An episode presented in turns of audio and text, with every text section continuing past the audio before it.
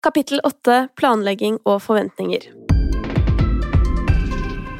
Planlegging det kan være stressende, og det samme gjelder å leve opp til egne og andres forventninger.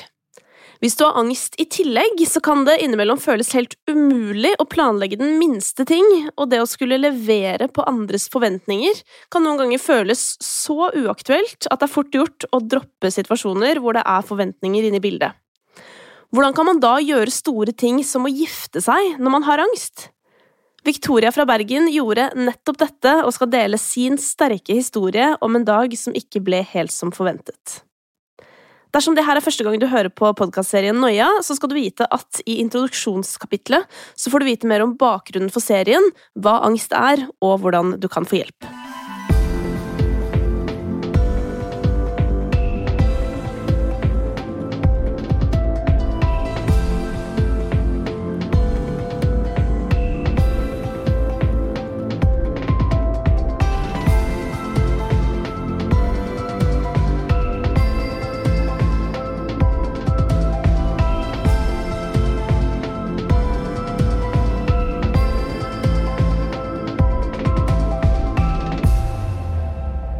Dagens gjest er Victoria Aksnes fra Bergen, 27 eh, år, blogger og jobber som designer.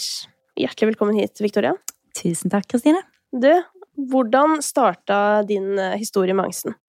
Den begynte da jeg var 16, eh, rett etter jeg hadde begynt på videregående. Jeg satt i en norsktime, hadde satt meg helst fremst av en eller annen grunn, jeg visste ikke hvorfor, men helt fremst med vinduet. Og så bare velter det angsten over meg som en sånn Ja, egentlig total indre panikk, uten at jeg gjorde noe med det. Jeg åpna vinduet, husker jeg, eh, og satt der og ble iskald. Um, og så Og da visste du ikke hva det var? Nei. nei. Visste ikke Ja, i to år visste jeg ingenting, men altså, nei, videregående var trøblete. Mm. Det var det. Eh, mye skulking og mye alkohol og sånn. Og så mista jeg en som er veldig nær meg, eh, da jeg var 18. Og da ble jeg eh, veldig deprimert. Og så ble det så ille at jeg ble innlagt på Solli DPS, eh, nesten utenfor Bergen. Og da var det jo eh, psykologer mm. et par ganger daglig som fortalte meg at jeg hadde sosial angst og panikkangst. Mm. Og det var da første gang du fant ut at det du drev og følte på, det er noe? Ja. ja. Hva tenkte du da? Veldig deilig. Jeg syntes det var kjempedeilig. Ja. Bare det å finne hva... ut hva det er, liksom? Ja. ja. at jeg ikke var rar. ja, men altså, det er jo det beste. Det er sånn når du finner ut at 'Å ja, jeg holder ikke på å bli helt gæren'. Ja, jeg bare har det på en måte som veldig mange andre også har det. Og det er jo selvfølgelig dritt, men det hjelper jo å vite at ikke du er alene og holder på å bli klin gæren, liksom. Mm. Men da var, du, altså, da var du 18. Og hvordan har det på en måte gått fra da og fram til i dag? Han styrte livet mitt veldig mye, veldig lenge, egentlig. Mm. Men så var det jo på en måte Og jeg var jo på en måte i etterdønningene av det dødsfallet. Mm. Og da fikk jeg liksom òg dette her Da begynte jeg liksom på denne verktøykassen. Um, og liksom fikk satt ord på at okay, buss er vanskelig for meg. Alle de her tingene. Eh, så jeg unngikk det sikkert litt for mye. jeg vet ikke. Altså, det ble mm. veldig sånn at, Å ja, ok, så jeg har lov til å ikke gjøre det, jeg har lov til å ikke gjøre det. Eh, noe som var sikkert nødvendig da, men nå lever jeg jo med han og takler det, på en måte. Men i dette kapitlet så skal det jo handle om det å planlegge og det her med forventninger når man har den uroen da, som vi tidvis går og bærer på. Eh, og du har jo en helt spesiell historie fra en av de største hendelsene man kan ha i et liv. Bryllupet, mm. tenker du på? Ja. eh, ja. Det er jo stress for alle. Mm. Um, og jeg ville jo egentlig først ikke ha et stort bryllup, men det ville mannen min. Og så, to måneder før, så fikk jeg jo diagnosen bipolar type 2. Men altså, ukene før Jeg var veldig redd, det var jeg for hvordan den dagen kom til å være. Mm. Jeg var redd for å være veldig oppe, for da er jeg på en måte ikke helt meg sjøl, og jeg kom til å glemme mye. Um, og selvfølgelig var jeg jo redd for å være nede. Og jeg, jeg, skjønte egentlig et par dager før at jeg, jeg kom til å være litt lei meg. Um, I bryllupet mitt, sånn som jeg opplevde det Altså, dagen begynner jo eh, med hjertebank. Um, skikkelig. Det tror jeg varte gjennom hele greia. Um, og de vanlige tingene. Jeg, veldig, jeg blir veldig, veldig varm og svetter, skjelver. Um, og jeg blir litt sånn, jeg får det sånn piggende ut. Uh, blir litt sånn irritert på at alle På alle, egentlig. For det er jo vondt at de ser på meg, på en måte. Um, ja, når jeg gikk, gikk mot uh, mannen min, holdt jeg på å si, opp gjennom uh, alle gjestene, da var det bare stresset som var igjen. Så da var jeg bare sint. Uh, og så trodde jeg jo at jeg skulle besvime når jeg sto der oppe. Faen, hun snakket så lenge, hun dama. Så jeg retta litt sånn mot henne og litt sånn du, altså. For hun òg hadde sagt på forhånd sånn eh, Eller jeg fikk mammaen min til å si det. Eh, hun har eh, litt sånn eh, problemer med sånn og sånn, så kan vi holde det veldig kort. Så vi fikk det liksom ned til ett musikkinnslag, og talen hennes, da. Den varte i ti minutter. Tale. Og det var liksom å stå der i ti minutter. Det var syv minutter for lenge. Eh, ja. Mm. Da, men da sto jeg bare Det går jo ikke. Det var liksom, jeg, jeg vet egentlig ikke hvordan jeg kommer gjennom det. Jeg prøvde å tenke på hva er det jeg kan gjøre her nå. Men akkurat det, da, da var det for stort. Jeg klarte ikke å bruke noe fra den der verktøykassen. Det var long gone. Ja, nettopp det. det er sånn På et eller annet tidspunkt så kommer man jo så langt inn i det mm. at nesten eneste veien ut er at man rett og slett må sove til neste dag. Ja. Men husker du, husker du når det var ferdig? Når du liksom kunne endelig gå og legge deg? Altså, jeg tror Gjennom hele den dagen så drakk jeg sikkert fire flasker cava. Jeg kødder ikke. Og så tok vi jo bussen hjem med de fleste gjestene. Og da fikk jeg et enormt panikkanfall. Og så husker jeg ikke mer. Og det gjorde vondt.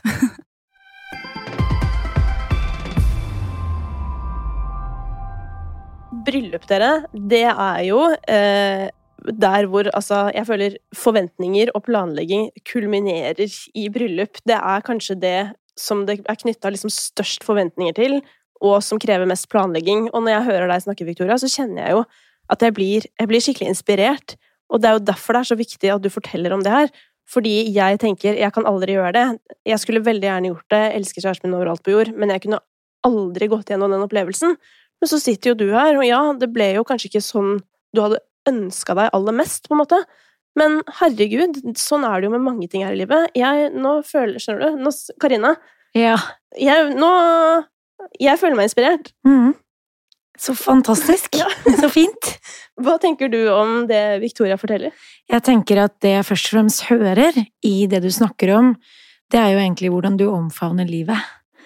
Tross eh, det varierende indre været da, som du kjenner på, eh, av følelser og stemninger som kommer og går, men at du på mange måter eh, trosser det og velger til det du ønsker deg for ditt liv.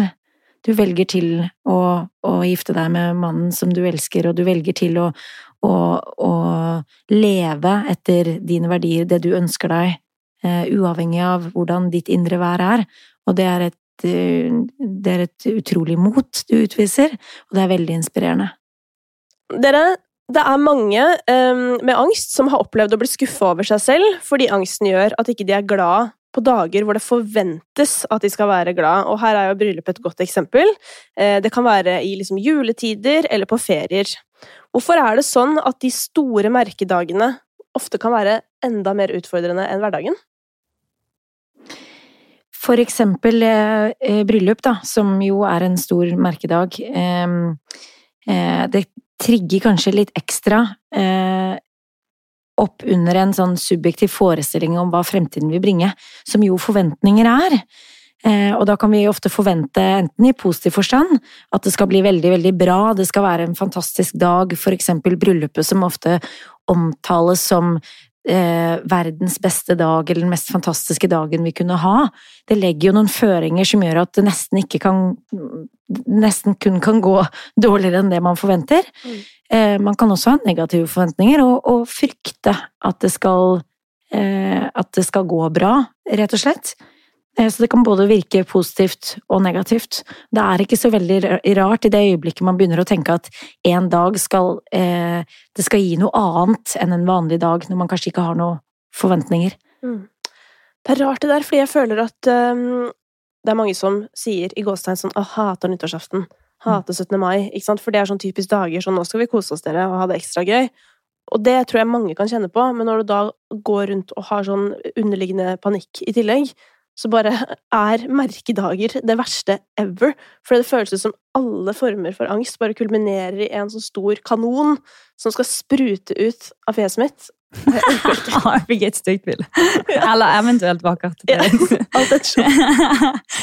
Men ja, det er jo, ja, det er jo ikke Det er jo kanskje ikke så rart. Jeg tenker at det ikke på noen måte er rart, i hvert fall ikke når man ser på hvilke tanker man forbinder med de merkedagene. Hva er det med de merkedagene som gjør at du tenker at angsten skal kulminere i et eller annet som, som du, på den måten du beskriver det, Kristine? Det er tydelig at det er noe annet du forbinder eller tillegger en merkedag enn bare en vanlig dag. Mm. Og der tenker jeg det, det, allerede der så legger vi, er vi kanskje gode på å legge noen føringer, da, for hva den dagen skal bringe. Og bare for eksempel forskjellen på helg eh, og ukedag, eller hvilke forventninger man har til en fredag sammenlignet med en mandag, så de forventningene ligger på en måte implisitt i oss hele tiden, da. Og det er jo nyttig for oss alle sammen å være oppmerksomme på, egentlig. I det øyeblikket for eksempel eh, dette settes på prøve, eller vi, vi, får et perspektiv med at vi, vi, skal ikke være her for evig, og den gaven det vil være å bare ha en, en vanlig dag, eller å få en ny dag og ha livet.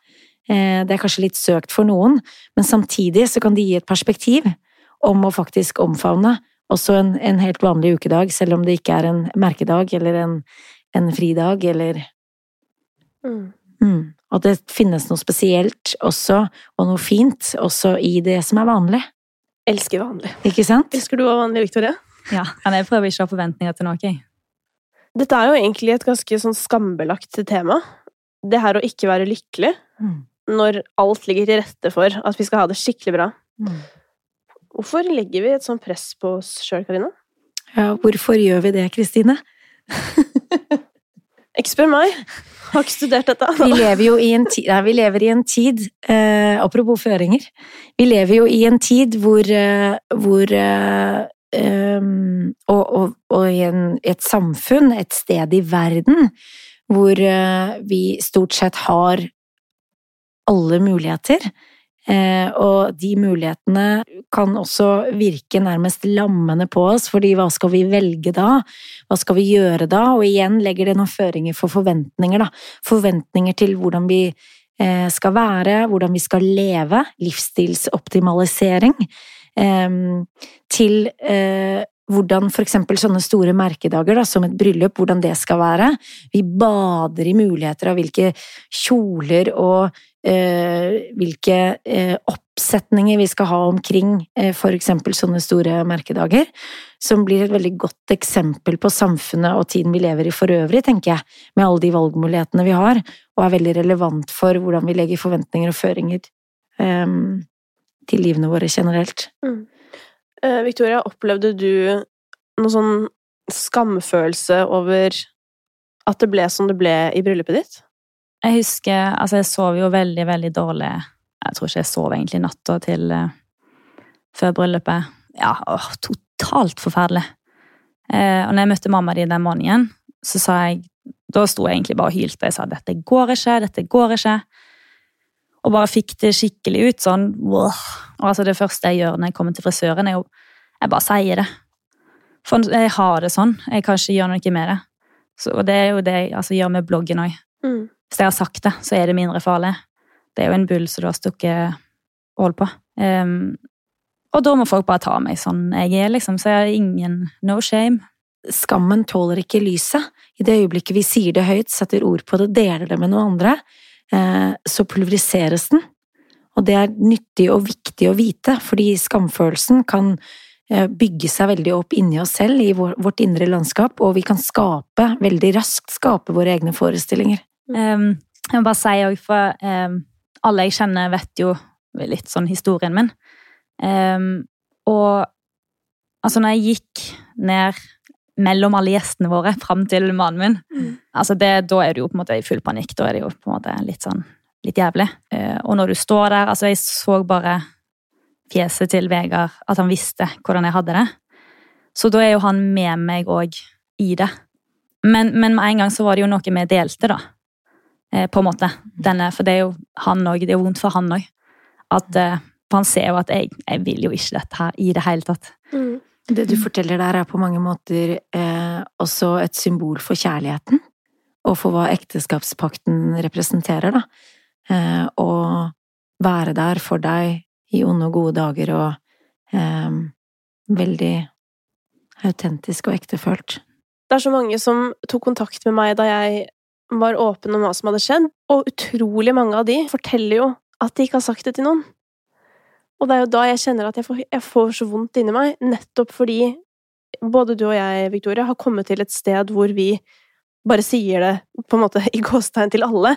Jeg er også sånn hvis jeg kommer inn på en jobb, for eksempel, eller skal gjøre et eller annet som jeg kjenner at det her gruer jeg meg skikkelig til. Jeg husker for eksempel ganske kort tid etter jeg fikk mitt første panikkanfall, så skulle vi ha en sånn stor konsert på Rockefeller, eh, som på en måte het sånn Christine Live, og det var sånn masse kjente artister, og jeg bare husker at jeg tenkte sånn Det der kommer aldri til å skje, og jeg sa bare Men jeg sa fra til alle. Bare, det her kommer mest sannsynlig ikke til å skje for meg, så veldig fint hvis dere bare planlegger hvordan kan dere løse dette uten meg.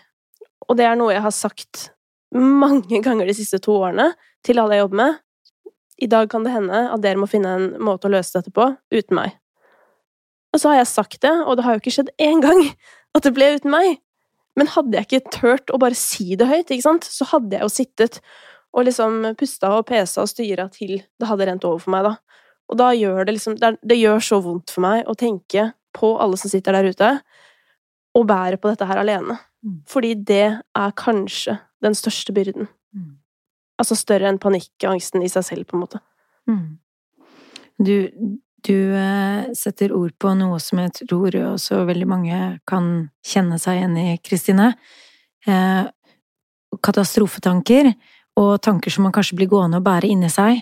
Eh, og de tankene kan føles så virkelige, og de kan føles så førende og voldsomme og sterke, og virkelig trigge angsten. Eh, og i det øyeblikket vi blir følelseskapret og sitter fast i det angstfylte landskapet, så kommer vi også til å glemme at vi er ikke tankene våre. Vi er den som vet at vi tenker, vi er heller ikke følelsene våre, vi er den som vet at vi føler. Eh, at vi kan håndtere det eller ta en avstand til det på en eller annen måte, selv om det også er utfordrende. Det er nettopp utfordrende i det øyeblikket vi er følelseskapret. Mm. Har du noen eh, verktøy du kan gå til hvis du på en måte har litt lyst til å gå på en fest, men samtidig kjenner sånn åh, hjelp. Ha det åpent til siste sekund. Ja. Eh, selv om jeg har sagt eh, jeg kommer, og du står i finstasen. Ha det helt åpent. Ingen press. Og hvis det er noe du må på, da Da er du fucked. Nei da. Men jeg bruker akkurat, jeg bruker akkurat samme, samme, teknikk som deg der. Mm jeg håper jo på sikt at jeg kan kanskje klare å planlegge på en måte litt mer, men enn så lenge så er, gjør jeg akkurat det samme at jeg tenker sånn Jeg kommer hvis jeg har en god dag, på en måte. Og så syns jo 99,9% at det er helt greit. Helt greit. Ja, det er det det handler om, ikke sant? å finne sin egen måte å gjøre det på.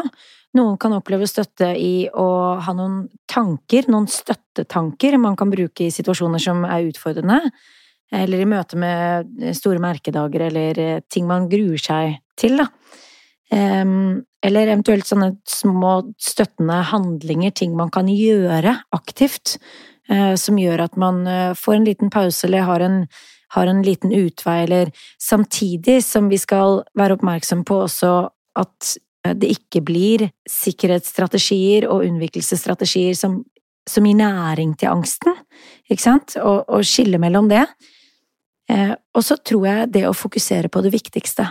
For eksempel hvis man, hvis man eh, eh, skal på en fest som du snakker om, Kristine, eller man skal yte noe sosialt, føler man, eller hva er det viktigste? Hva er det du ønsker å få ut av den kvelden? Hvem er det du ønsker å snakke med? Eh, tidligere erfaringer hvor du har hatt det fint, da, og minne deg selv om det.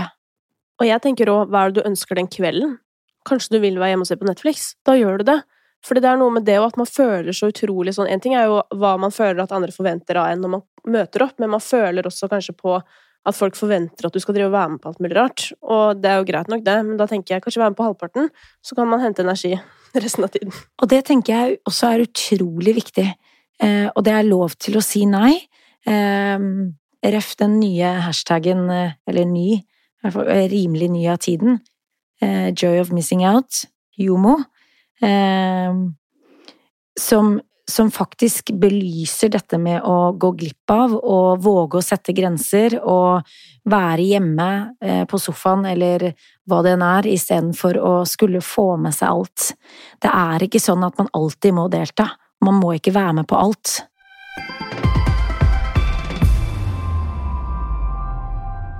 Det er garantert folk der ute som planlegger det være seg konfirmasjon, barnedåp, bryllup, sommerferien eller påskeferien eller gud veit, men som kanskje er skikkelig redd for at hvis de har angst, da, at eh, ferien eller et eller annet skal bli ødelagt av panikkangsten. Men jeg tror ikke man trenger å ha det for å kjenne på det forventningspresset om at nå skal man ha det gøyere. Hvordan kan man lære seg å få selvomsorgen til Victoria? For den tror jeg alle mennesker i hele verden kunne ha godt av å ta, ta, litt mer av. Jeg er helt enig med deg, Kristine. Og det som er så fint, er at det nettopp kan læres.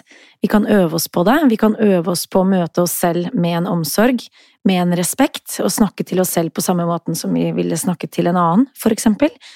Um, vi kan øve oss på å unne oss selv å ha det godt, og vi kan øve oss på å møte oss selv med en varme, med en omsorg, når vi møter motgang.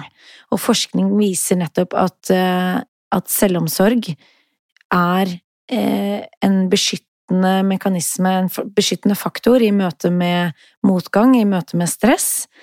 Og der må vi skille mellom, mellom eh, empati og sympati hvor jeg tenker at eh, omsorgen, eller selvomsorgen, handler om empati, å møte seg selv med respekt, forståelse, fremfor å synes synd på seg selv. Det er lov til å stille krav til seg selv, og klappe seg selv på skulderen og, og være god men, mot seg selv, men, men selvomsorg handler ikke om å synes synd på seg selv. Men her, det her er interessant, Victoria, fordi da du fortalte om din angsthistorie, så hørtes det litt ut som du hadde en liten periode med sympati for deg selv. ikke sant? Litt sånn 'ja, men jeg har angst, jeg skjønner det, så ja, ja. jeg kommer ikke'. Eh, men så har den gått over i 'ja, jeg syns den er litt fin nå, skjønner du', jeg liker den litt'. Mm. Men så har det beveget seg over i eh, empati da, for deg selv, altså mm. selvomsorg. Mm. Husker du hva som skjedde inni hodet for at den dreiningen kom? Altså, Siste biten der jeg er nå, det var helt bevisst, og som du sier, absolutt alle burde faktisk gjøre det. Jeg har to onde ånder eh, som, som, stresser meg, eh, og det er en fysisk og en indre. Mm. Altså Den fysiske er jo på en måte forventningen om at man skal se fin ut. Der, hvis nå, altså, 'Å nei, jeg fikk kvise, og jeg skal på fest i kveld', liksom. Oh. Så den fysiske er på en måte én ting, og den indre er jo den her 'Å, jeg duger ikke', eh, 'ingen kommer til å like meg', 'jeg er teit', nå kommer jeg ikke på, men ja, den, det vi sier til oss sjøl. Jeg er kjedelig. Ja. Jeg stilte meg veldig bevisst opp i spillet, og det er veldig sterkt, altså. Se på meg sjøl. Og så ba, Bare det. Så begynte jeg å grine. Se skikkelig på deg sjøl, liksom. Så sa jeg sånn Hvorfor sier du sånne stygge ting til meg? For jeg blir skikkelig lei meg. Mm. Og da Det var så sterkt, det. Bare snakke til denne onde ånden da, som sier de her tingene til deg. Jeg blir lei meg. Hvorfor gjør du det? Hva har jeg gjort? Jeg fortjener bedre. Bli din egen venn. du sier det som på tull, men det er viktig på mm. ekte. ja. Men det er sånn Hver gang man skal snakke om sånne her ting, så blir det litt sånn derre Corny. Snakk til deg selv i speilet, og så tenker man sånn 'Å, gud a meg, det høres teit ut', men mm. tro meg, når du går og lever med de tingene her hengende over deg hele tiden, da er du villig til å gjøre hva som helst for å få det bedre. Og da er det nettopp så fint at du kan dele at det, du har faktisk prøvd den tingen som kanskje er nederst på listen for mange, for de tenker sånn 'Å, gud, så teit'. Mm. Og det har hjulpet deg. Det er en klisjéfylt øvelse, men den er virksom. Og klisjeer er jo for en grunn, ikke sant? Så, så, det er utrolig fint og veldig, veldig sterkt at du deler det, Victoria. Og jeg tenker at du der også åpner for at mange andre kan gjøre det samme. Eh, og faktisk teste det og prøve det ut, og du gjør det på mange måter ufarlig. Og det er absolutt en, en kilde til å møte seg selv på en annen måte, og åpne opp for, å, for at man faktisk er bra nok som man er, og at, det, at man kan være glad i seg selv. Det er lov. Og relasjonen man har til seg selv, påvirker også relasjonen man har til andre mennesker rundt seg. Og det påvirker også hva man erfarer, og hva man opplever. Hjernen vår er skrudd sammen på den måten at den klarer ikke å skille mellom måten vi snakker til oss selv på, og måten andre snakker til oss. Så når vi er selvkritiske, møter oss selv med selvkritikk og negative tanker, så setter det i gang akkurat det samme som om en annen sa det til deg, og forestill deg at en annen person sa det samme til deg som du sier til deg selv. Det er ganske ubehagelig i møte med selvkritikk, og omvendt så er det veldig potensielt tryggende og beroligende hvis vi snakker til oss selv eh, med en selvomsorg. Mm.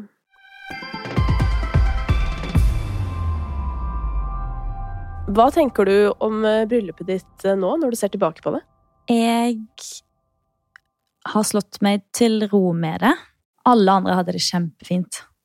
Så det Det tok en stund før jeg hørte på det. Altså, at alle syntes det var et nydelig bryllup.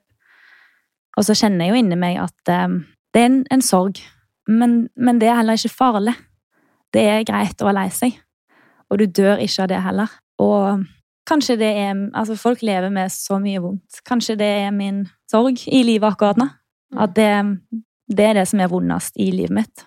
Og da det, det er, Ja, det er greit. Og alle andre koser seg, og det er fint. Og ja, ja, så var jeg ulykkelig den dagen. Denne dagen er jeg jo lykkelig. Alle andre dager er du lykkelig? Ikke alle, men, men mange, ja. Ekteskapet. Mm. Du fikk mannen i ditt liv, da. Gjorde det. Score. Det er jo det som er poenget. Ja. altså, det er det jeg tenker også, sånn Det er det jeg syns er så fint med den hendelsen her. Fordi jeg tenker at det å skulle gjennomføre en så stor greie for mange som går og bærer på angst, det føles så umulig. Og det føles så utrolig fjernt å skulle gjøre det, men så sitter du her, og du har gjort det, og det gikk på mange måter som du kanskje hadde fryktet. At du fikk en skikkelig dårlig dag. Men du ble gift! Ja. Og det går bra! Ja. Og det gjør meg så utrolig åh, Jeg merker at jeg får så lave skuldre av å tenke på det. Så, på, ja. så det er jo godt for noe. Ja, ja. Det er også veldig mye selvomsorg i å la seg selv få lov til å sørge. Det er mye selvomsorg i å anerkjenne de følelsene man faktisk har, og det tenker jeg man også kan bruke aktivt i møte med forventninger. Og tillate følelser å være der, og tillate også sterke følelser å være der, og møte seg selv med det. Eh, og i det eh, Det kan også hjelpe i møte med store merkedager eller eh, situasjoner, hendelser eh, man gruer seg til, eh, eller har store forventninger til. Ja, og jeg, eh, jeg tenker veldig mye på Det var jo den der eh, empatien eh, mm. igjen. Jeg liksom ble sånn irritert på folk når de etterpå liksom Nei, men det blir jo aldri som man forventer, og det er ingen som koser seg sånn, sånn som de tror at de skal kose seg i, mm. i bryllupet sitt. Jeg, jeg, krevde respekt, da. Så sa jeg sånn Nei, vet du hva, min dag var litt verre. Det er sikkert andre som har en sånn dag. Men hør her, liksom rett og slett bare for min egen del eh, stå litt opp for meg sjøl. Det var skikkelig vondt. Mm. Men jeg kom meg gjennom det, og ja.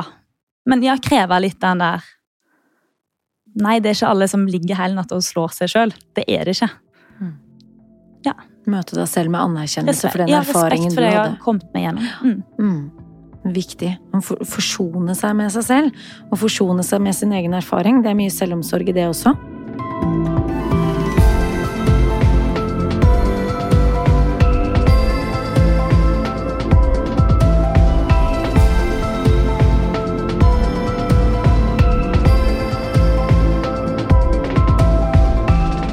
Tusen hjertelig takk til Ekstrastiftelsen og Rådet for psykisk helse for at dere hadde troa på prosjektet og valgte å støtte det. Hvis du har lyst til å vite mer om denne podkastserien, kan du gå inn på noiapodkast.no, og ikke nøl med å ta kontakt hvis det er noe du lurer på.